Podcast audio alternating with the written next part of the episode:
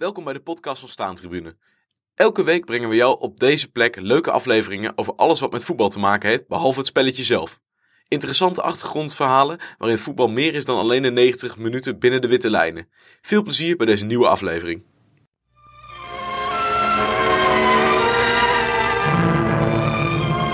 Near Munich, a fierce blaze marks the wreck of a British airliner. In attempting takeoff, it brushed some trees at the end of the runway, then dropped 60 feet into a house and a gasoline storage shed. 21 died in the crash. 23 more are gravely injured. A shocking disaster that has a doubly great impact on Britain, for on the passenger list was the Manchester United soccer team. National champions, they were returning from Belgrade after tying Yugoslavia's crack team in the European Championship competition. Headed for the semifinals, they were national heroes, every man. 6 februari is het 65 jaar geleden dat de vliegramp van München plaatsvond. Op die dag verongelukte vlucht 609 van British European Airways tijdens de derde poging om op te stijgen van luchthaven München-Riem. Aan boord bevonden zich de volledige selectie van voetbalclub Manchester United en een aantal meereizende supporters en journalisten. Van de 44 inzittenden waren er 21 op slag dood. Twee anderen overleden later alsnog aan hun verwondingen. In deze aflevering praat ik met Manchester United supporter Erik van der Polder over deze gebeurtenis en de gevolgen ervan. En hoe leeft deze ramp nog onder de supporters en welke memorials zijn er bijvoorbeeld nog te vinden? Erik, uh, goeie, goedemiddag. Goedemiddag. Erik, uh, Erik van der Polder, uh, ja, uh, fervent, fanatiek Manchester United supporter. ook Continental. wat dat betekent moeten de luisteraars maar eventjes gaan googlen in een, in een, of zoeken in een andere podcast. en je bent al heel lang Manchester United supporter.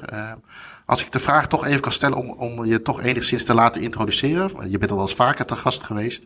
maar hoe kan, hoe kan de luisteraar jou precies inschalen als supporter van deze club? Uh, ja, als een ouwtje zou ik zeggen. Uh, ik ben inmiddels uh, 56. ik kom al vrij lang bij United. Mijn eerste wedstrijd was in 1978. Toen was ik 12. Toen nam mijn vader me mee. Nadat ik ja. hem gesmeekt had of hij me een keer mee wilde nemen naar Engeland. En dat heeft hij toen gedaan. En toen zijn we met de auto door Londen gereden. Zijn we eerst bij West Ham geweest. En toen uh, langzaam naar het noorden. Tussenstop uh, bij Nottingham Forest. Die toen, dat was het kampioensjaar van Forest. En toen uiteindelijk uh, bij United, ja, dat moment dat je voor het eerst op Old Trafford komt. in dat, dat oude Old Trafford, hè, met al die staanplaatsen. Dat is natuurlijk onbeschrijfelijk. Ja. Dus vanaf dat moment kwam ik in Engeland. En dat heb ik er, ik heb toen het jaar daarna overgeslagen. Maar het jaar daarna had ik mijn broer zo gek gekregen.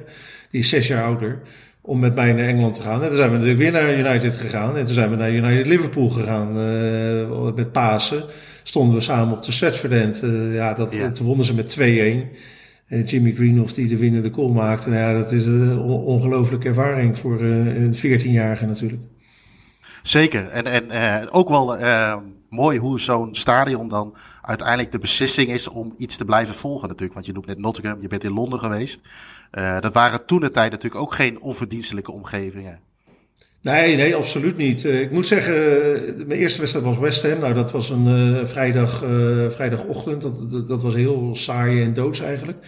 Maar toen bij Nottingham Forest in de stromende regen op een volgepakte City Ground en een sfeer die daar toen hing. Uh, en een adoratie van Brian Clough, die, die ik daar zelf ook toen als twaalfjarig mannetje voelde. Dat, dat was wel uh, fascinerend. Um, maar even voor de duidelijkheid, voordat we naar Engeland gingen, was ik al uh, United supporter hoor. Dus het is niet dat ja. die trip ook maar op enige wijze mijn, mijn keuze had kunnen beïnvloeden. Maar met name die, uh, die wedstrijd bij Nottingham Forest, die, die zal ik nooit meer vergeten. Uh, die, die intensiteit. Uh, we dachten dat het afgelast zou worden. Het bleef maar stromen. Er was ook één grote modder. ja, ze wilden denk ik, ze stonden bovenaan, ze wilden per se spelen. Ja. En dat hebben ze gelukkig gedaan toen. Hey, en dus eigenlijk was inderdaad, los daarvan, de, de, de trip was voor jou eigenlijk de bevestiging de eerste keer. nou ja, jaren daarna ben je natuurlijk regelmatig die kant op geweest. Uh, maar waar kan de luisteraar bijvoorbeeld nog meer aan denken? Uh, ik heb jou een keer horen vertellen dat je bijvoorbeeld United ook gevolgd hebt naar de wereldbekerfinale. Dat soort zaken. Is het, uh, is het zo als United speelt of speelde, dan ben je aanwezig? Nou ja, niet, niet iedere wedstrijd natuurlijk, dat is gewoon niet te doen. Maar ik probeer wel natuurlijk, ik heb altijd geprobeerd zoveel mogelijk wedstrijden te bezoeken. Dus in de, in de jaren uh, voordat mijn zoon geboren werd, pakte ik wel 25 tot 30 wedstrijden soms per seizoen mee. Dat zijn ja. er nu denk ik rond de 20. Uh, en het is wel een klein beetje veranderd dat ik de laatste jaren met name veel Europese, die, uh, alle Europese uitwedstrijden ga ik wel heen. En als ze inderdaad vriendschappelijk spelen in landen waar ik ze nog nooit gezien heb, dan uh, staat dat ook wel hoog op mijn lijst. Ik probeer ze inderdaad in zoveel mogelijk landen te zien. Dat ja. vind ik ook leuk, ja, om toch een beetje die verscheidenheid in, in trips ook erin te houden. dus nee, het, ja, maar het bezoeken van wedstrijden, daar, daar draait het uiteindelijk wel om, ja.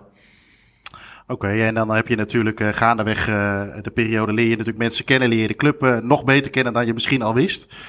deze podcast gaat, of staat de ramp in München in 1958 centraal, Vijf, 65 jaar geleden op, in februari.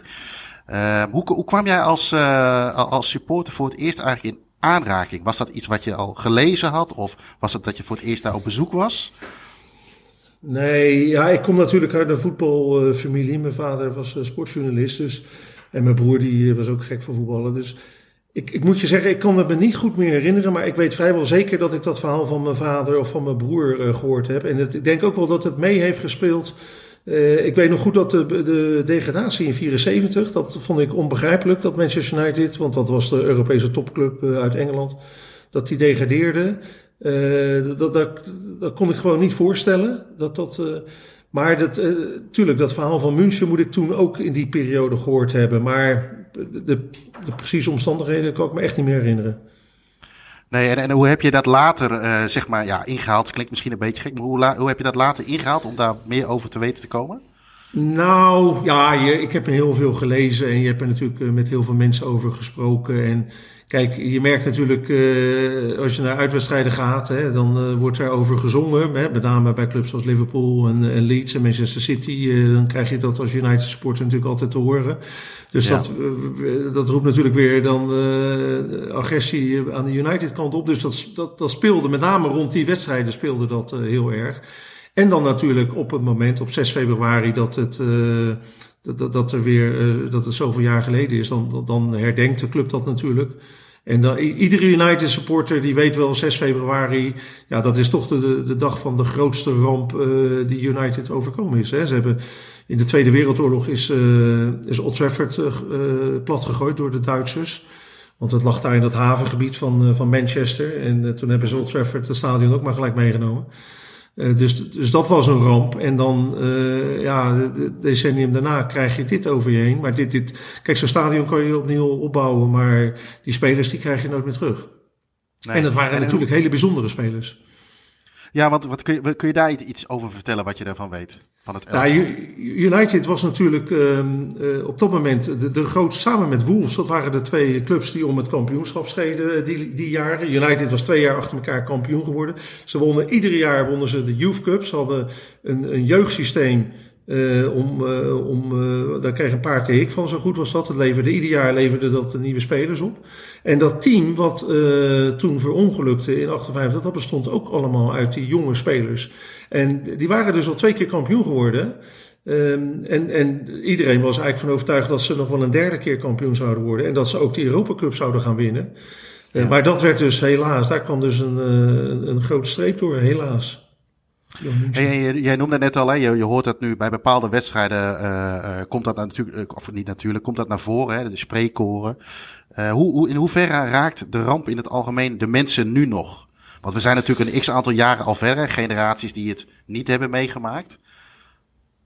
Ja, ik vind dat. Ik, ik weet nou eerlijk gezegd nooit zo goed wat ik daarvan moet vinden hoor. Kijk, die mensen die het natuurlijk echt mee hebben gemaakt, de oudere garde is dat natuurlijk. Ja, logisch dat die daar emotioneel onder zijn. Maar ik heb het niet zelfbewust meegemaakt. Dus ik, ik, ik, ik heb er natuurlijk heel veel respect voor. En ik, ik denk op 6 februari denk ik, eh, denk ik er ook altijd wel even aan. En ik ben een paar keer met United in München geweest voor Europese wedstrijden. En dan ga ik ook even langs die gedenkplaats.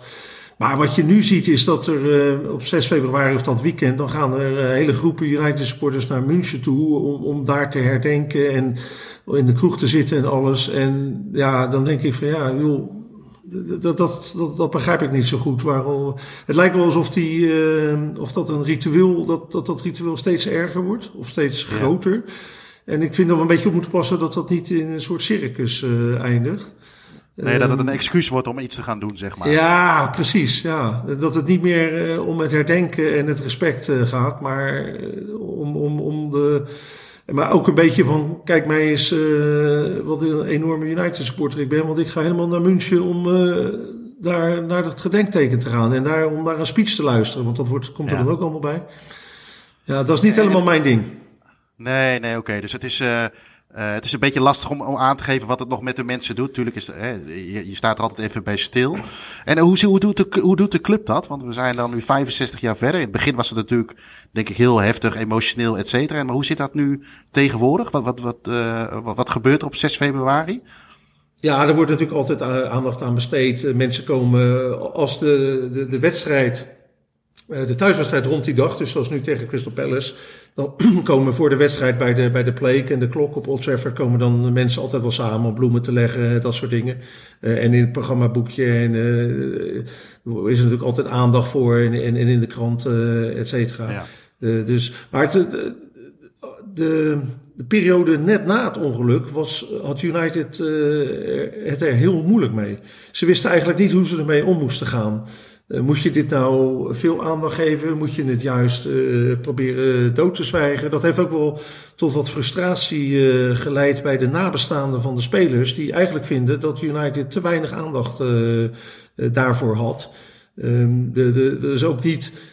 Er zijn wel initiatieven geweest om wat geld voor die mensen te inzamelen, maar niet op grote schaal. Dat is pas in, ik geloof dat het in 1998 of zo was. Is er een wedstrijd georganiseerd, zodat die mensen toch nog allemaal en dat was een groot bedrag hoor, wat ze toen kregen.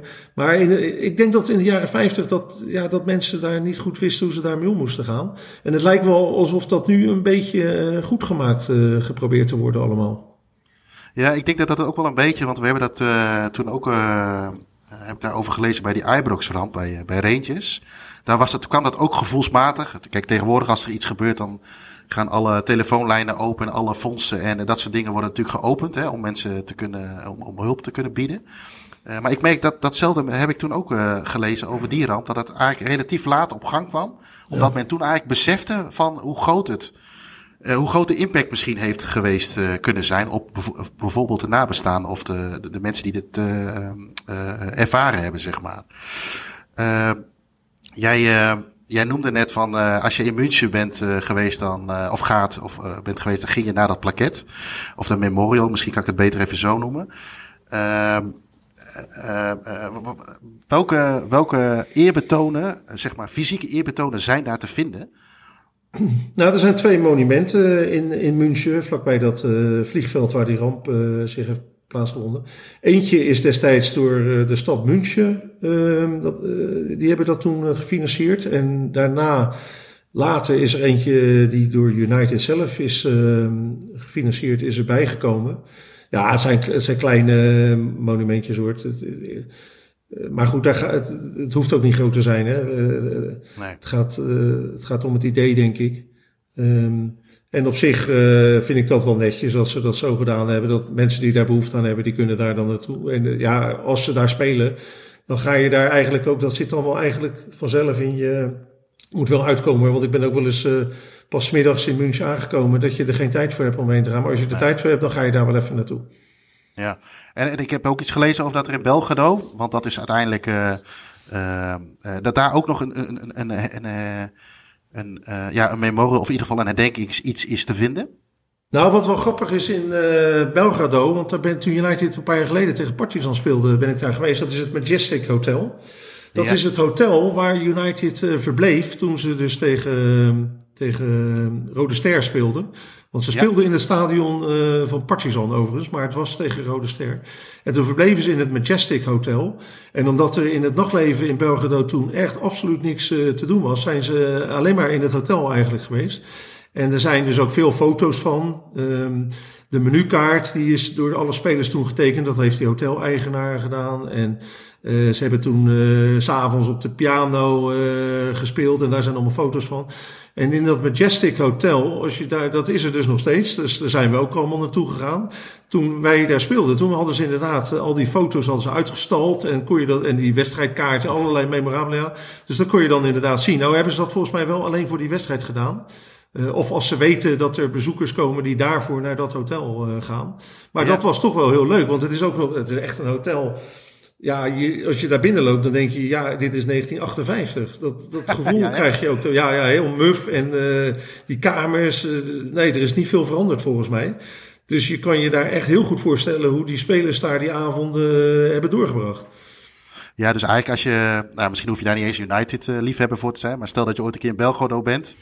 En uh, je, je, hebt daar wat de tijd, dan zou je eigenlijk even dat hotel moeten bellen om te kijken of je daar wat inzage in kunt krijgen. Ja, maar volgens mij moeten ze dan wel die spullen uit, uh, uit de kast halen. Want ik geloof niet dat het er altijd uh, staat. Oké. Okay. Nou ja, goed. Het is misschien een keer leuk om voor, voor iemand die dat, die dat wil doen. Of interessant ja. vooral.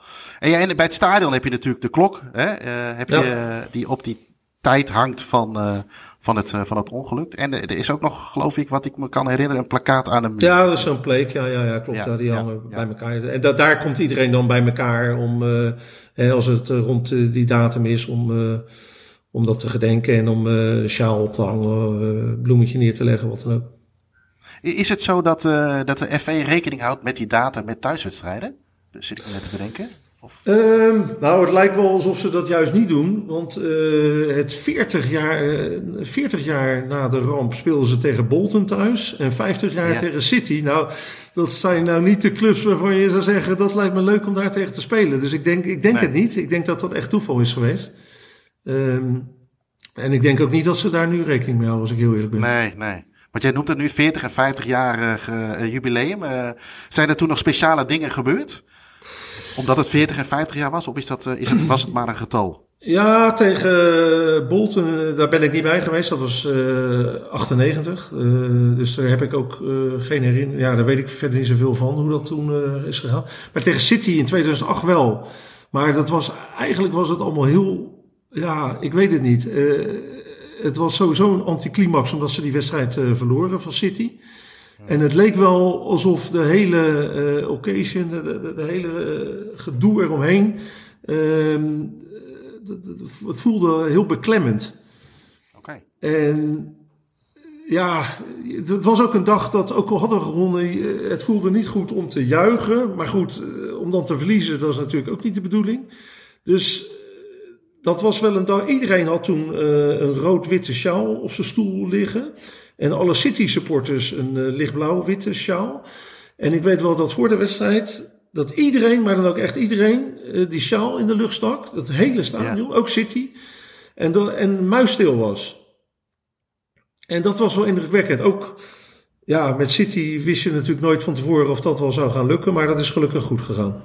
Ja, ja, ja dan moet je altijd maar afwachten natuurlijk. Maar toch denk ik uiteindelijk dat het vaak wel goed komt, toch in Engeland, met dat soort dingen. Vooral in het stadion. Of is dat wat te naïef? Ja, nou inderdaad, het is beter dan in Nederland. Ik bedoel, het respect uh, in Engeland uh, is toch iets groter dan. Dat, uh, dat ben ik met je eens. Ik denk dat het risico in Nederland dat het fout gaat veel groter is. Dat klopt. Ja, ja. Hey, jij vertelde mij toen straks ook nog wel van... ehm, je hebt er veel over gelezen, veel gezien, wellicht ook op televisie. Uh, en omdat je ook veel leest, kun je misschien ook niet altijd alles onthouden. Maar er zijn een aantal dingen die echt bij jou zijn blijven hangen over dit onderwerp. Uh, wat kun je daarover vertellen? Ja, best wel wat, bijzonder, wat ik dan bijzondere dingen vind. Uh, een van die dingen is, nadat het ongeluk, ja, United was zijn hele team kwijt. Er waren acht spelers overleden. Duncan Edwards, die had het in eerste instantie overleefd, maar twee weken na de ramp, en dat was de beste die ze hadden, ging hij alsnog ging die dood. Er waren ook een paar spelers die hebben het wel overleefd, maar die konden nooit meer voetballen. Dus ze waren het hele team waren ze kwijt. Ja.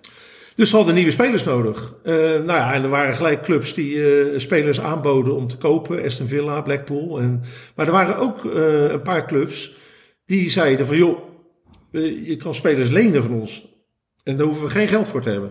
Dus dat was natuurlijk echt een, een gebaar. En ja, opmerkelijk genoeg, uh, de ene club was Nottingham Forest. En, en waarom Forest, uh, dat weet ik niet waarom die dat deden. misschien gewoon dat het goede mensen zijn. Maar die andere club, dat is toch wel opmerkelijk, was Liverpool. Ja. Want nu is het natuurlijk de grote rivaal en men haat elkaar. Maar dat was in die tijd helemaal niet zo. Liverpool was toen ook niet zo groot als nu. Hè? Liverpool was toen de tweede club van van Liverpool. Want Everton was in de jaren 50 en 60 de grote club in Liverpool. En Liverpool speelde een periode in de tweede divisie. Bovendien zat Bill Shankly bij Liverpool. En dat was een goede vriend van Matt Busby. Die kwamen bijna wekelijks bij elkaar over de vloer. Dus er was ja. toen een hele goede band tussen United en Liverpool. Dus ik denk dat dat ook meespeelde uh, waarom Liverpool toen een van de clubs was, die zei van joh, je kan gratis spelers van ons lenen. Daar is met Busby uiteindelijk niet uh, op ingegaan, omdat hij Liverpool niet wilde verzwakken toen. Omdat zijn vriend daar zat. Ja. Maar het gebaar was natuurlijk wel heel, uh, heel mooi. En, en in dat kader, ja. wat toch wel grappig is, is dat in die periode gingen de spelers van United, als United niet speelde, gingen die soms bij Liverpool kijken. En dan gingen ze ook op de kop staan.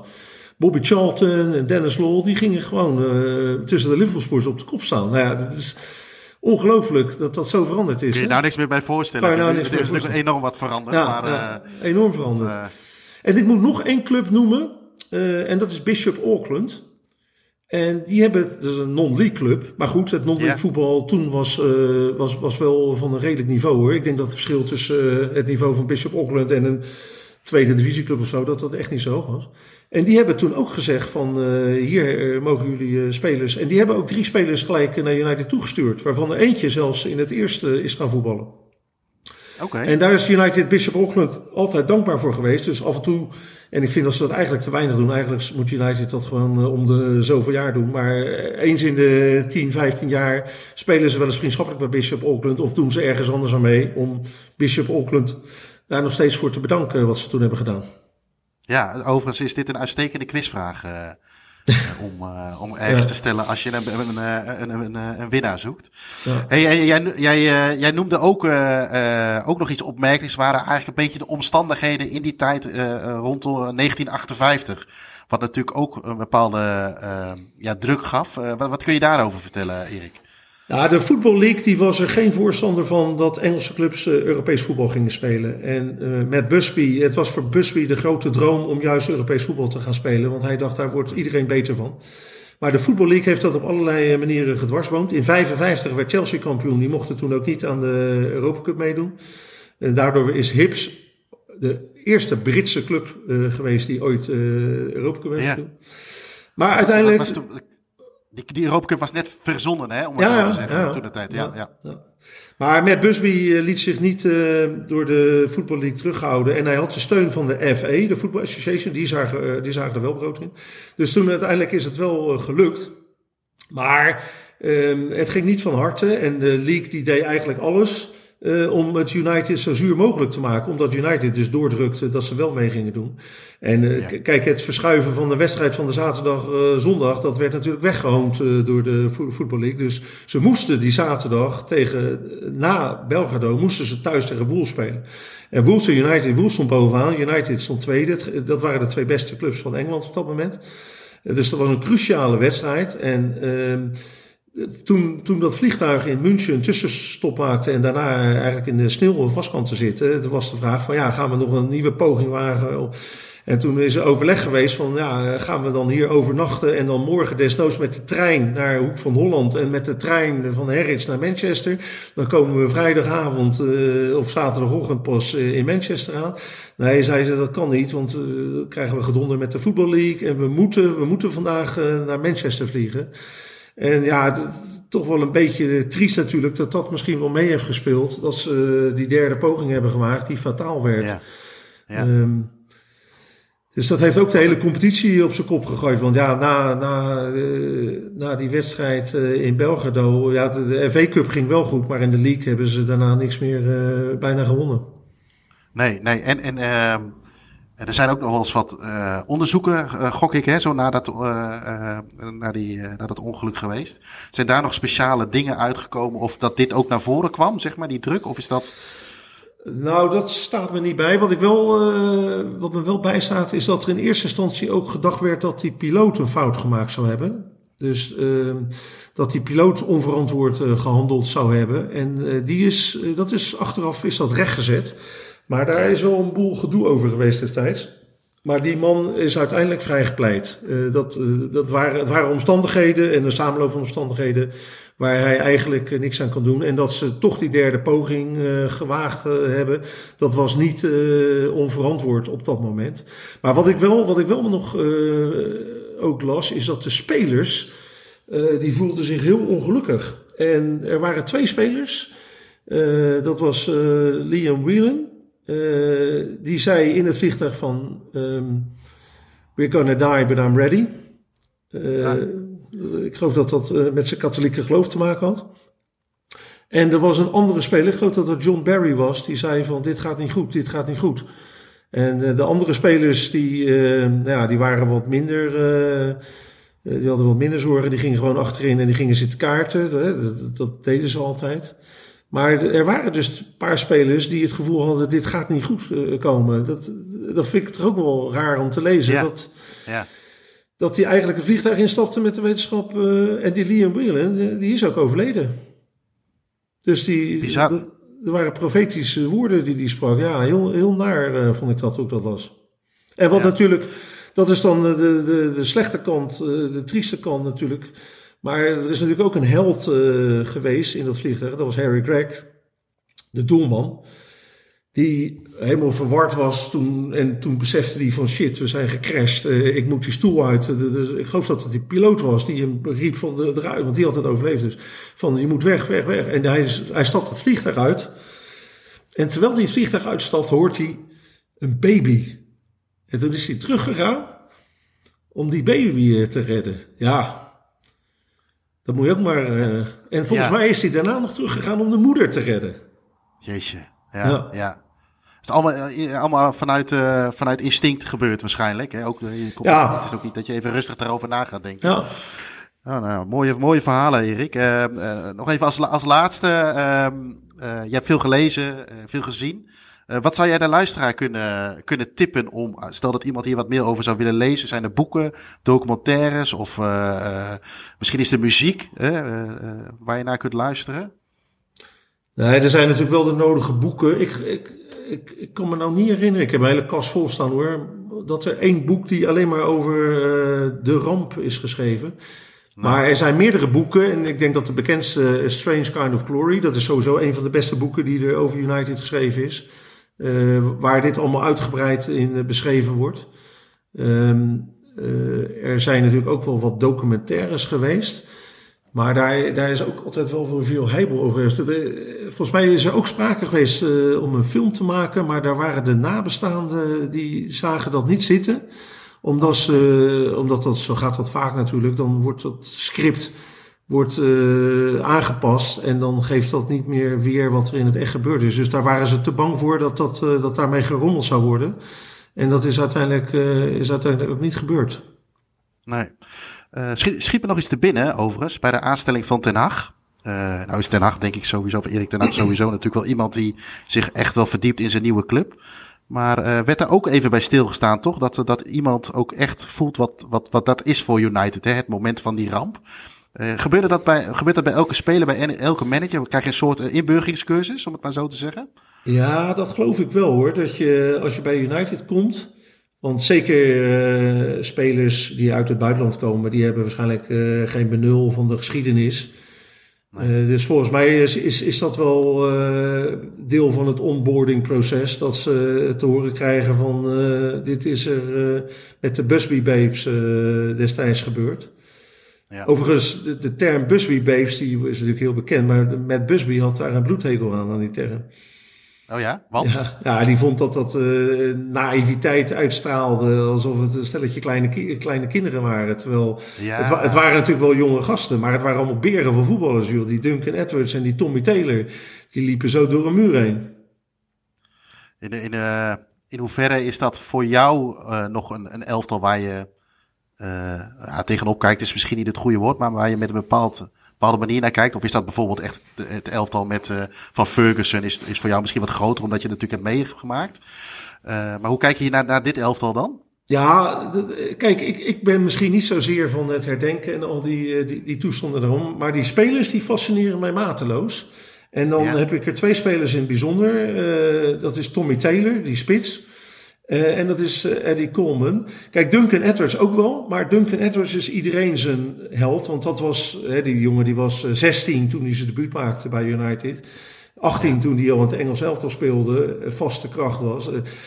Dat, weet je wel, die wordt, die, die wordt nog steeds op een voetstuk gedragen. En dat is met Tommy Taylor en Eddie Coleman wat minder. Maar dat vind ik ook fascinerende spelers. Die zou ik zo graag live willen zien, ja. Eh, wat fascineert ze zo aan? Wat fascineert ze aan? Nou, de, de, de achtergrond van die jongens. Tommy Taylor, dat was zo'n uh, zo'n spits. Die haalden ze van Barnsley. Dat was de zoon van de mijnwerkersfamilie. Um, en dat was echt uh, één brok graniet in de spits. Type Mark Hughes, maar volgens mij was hij wel wat groter dan Mark Hughes. En daardoor een enorme kopsterke spits. Nou ja, ik vind een, een spits een spits die kan koppen, dat, dat blijft voor mij het allermooiste wat er is. Hè? Een spits die gewoon hoge bal en boem, hij kopt ze erin. Dus die, die, die speler die fascineert mij enorm. En dan uh, Eddie Coleman. Heb je, maar heel even onderbreken, heb je nu een hele goede uh, aankoop gedaan? Of aankoop, een goede huur nou, nou dat, dat zeg je nou, maar ik weet niet of Wout Weghorst nou wel... Hij is heel lang, maar kan die ook heel ja, goed, goed koppen? koppen? Ja, dat, dat, dat, dat is, ben je geneigd om te zeggen inderdaad. Uh, durf ik ook niet zo te zeggen. Er zijn hele lange spitsen die totaal niet kunnen koppen. Dus ik ben bang dat hij in die categorie gaat vallen. Sorry, ik onderbrak je. Ga door met, uh, met je verhaal. Ja, en dan die Coleman. Dat was een... een, een die noemden ze Snake Hips, omdat het was een wat kleiner mannetje. Het was een beetje type Mario Been, echt zo'n uh, Pietje Bel uit ja. uh, Salford bij Manchester. En dat was gewoon een, uh, een ongrijpbare voetballer. Het was een combinatie, ik zie het een beetje als een combinatie tussen Ryan Kicks en Paul Scholes. Um, en ja, op, op, op, ja, dat zijn de redenen waarom die twee spelers mij in het bijzonder fascineren. En die, ja, die zou ik dolgraag live gezien willen hebben. En dat is helaas natuurlijk uh, niet gebeurd. En er zijn ook heel weinig, er zijn wel wat beelden, maar dat zijn dan die jaren 50 beelden. Dan zie je meer flitsen dan dat je nou echt een beeld krijgt van wat er gebeurt. Ja, ja, ja. Oké. Okay. Uh, ja, dat is, uh, dan, moet, dan moet je toch een beetje van de overlevering hebben. En dat maakt het misschien aan de ene kant ook wel weer heel mooi natuurlijk. Hè? Dat je het op die ja, ja, natuurlijk. De, de, de, fascinatie is waarschijnlijk dat ik ze nooit gezien heb. Hè? Ja. meer dan, ja, Scholes, kijk, Scholes en Kicks, tuurlijk, dat zijn de jongens die ik, uh, die ik meegemaakt heb en waar je natuurlijk ook heel veel mee hebt. Maar uh, het feit dat je die, die, die, die gasten daarvoor, die lichting uit de jaren 50, en dat die zoveel potentie dat, dat wordt door niemand tegengesproken. Hè? Daar is iedereen het over eens. Dat, dat is waarschijnlijk de beste lichting die ze ooit gehad hebben. Vind ik hele mooie woorden om mee af te sluiten, Erik. mag ik jou bedanken voor jouw mooie verhalen en wij gaan elkaar weer spreken. Bedankt voor het luisteren naar deze aflevering. Vergeet niet op deze podcast te abonneren om op de hoogte te blijven voor nieuwe afleveringen. Vragen, tips of opmerkingen over de podcast kunnen gestuurd worden naar podcast.staantribune.nl. En voor vragen over boeken en magazines verwijzen we jullie graag door naar www.staantribune.nl.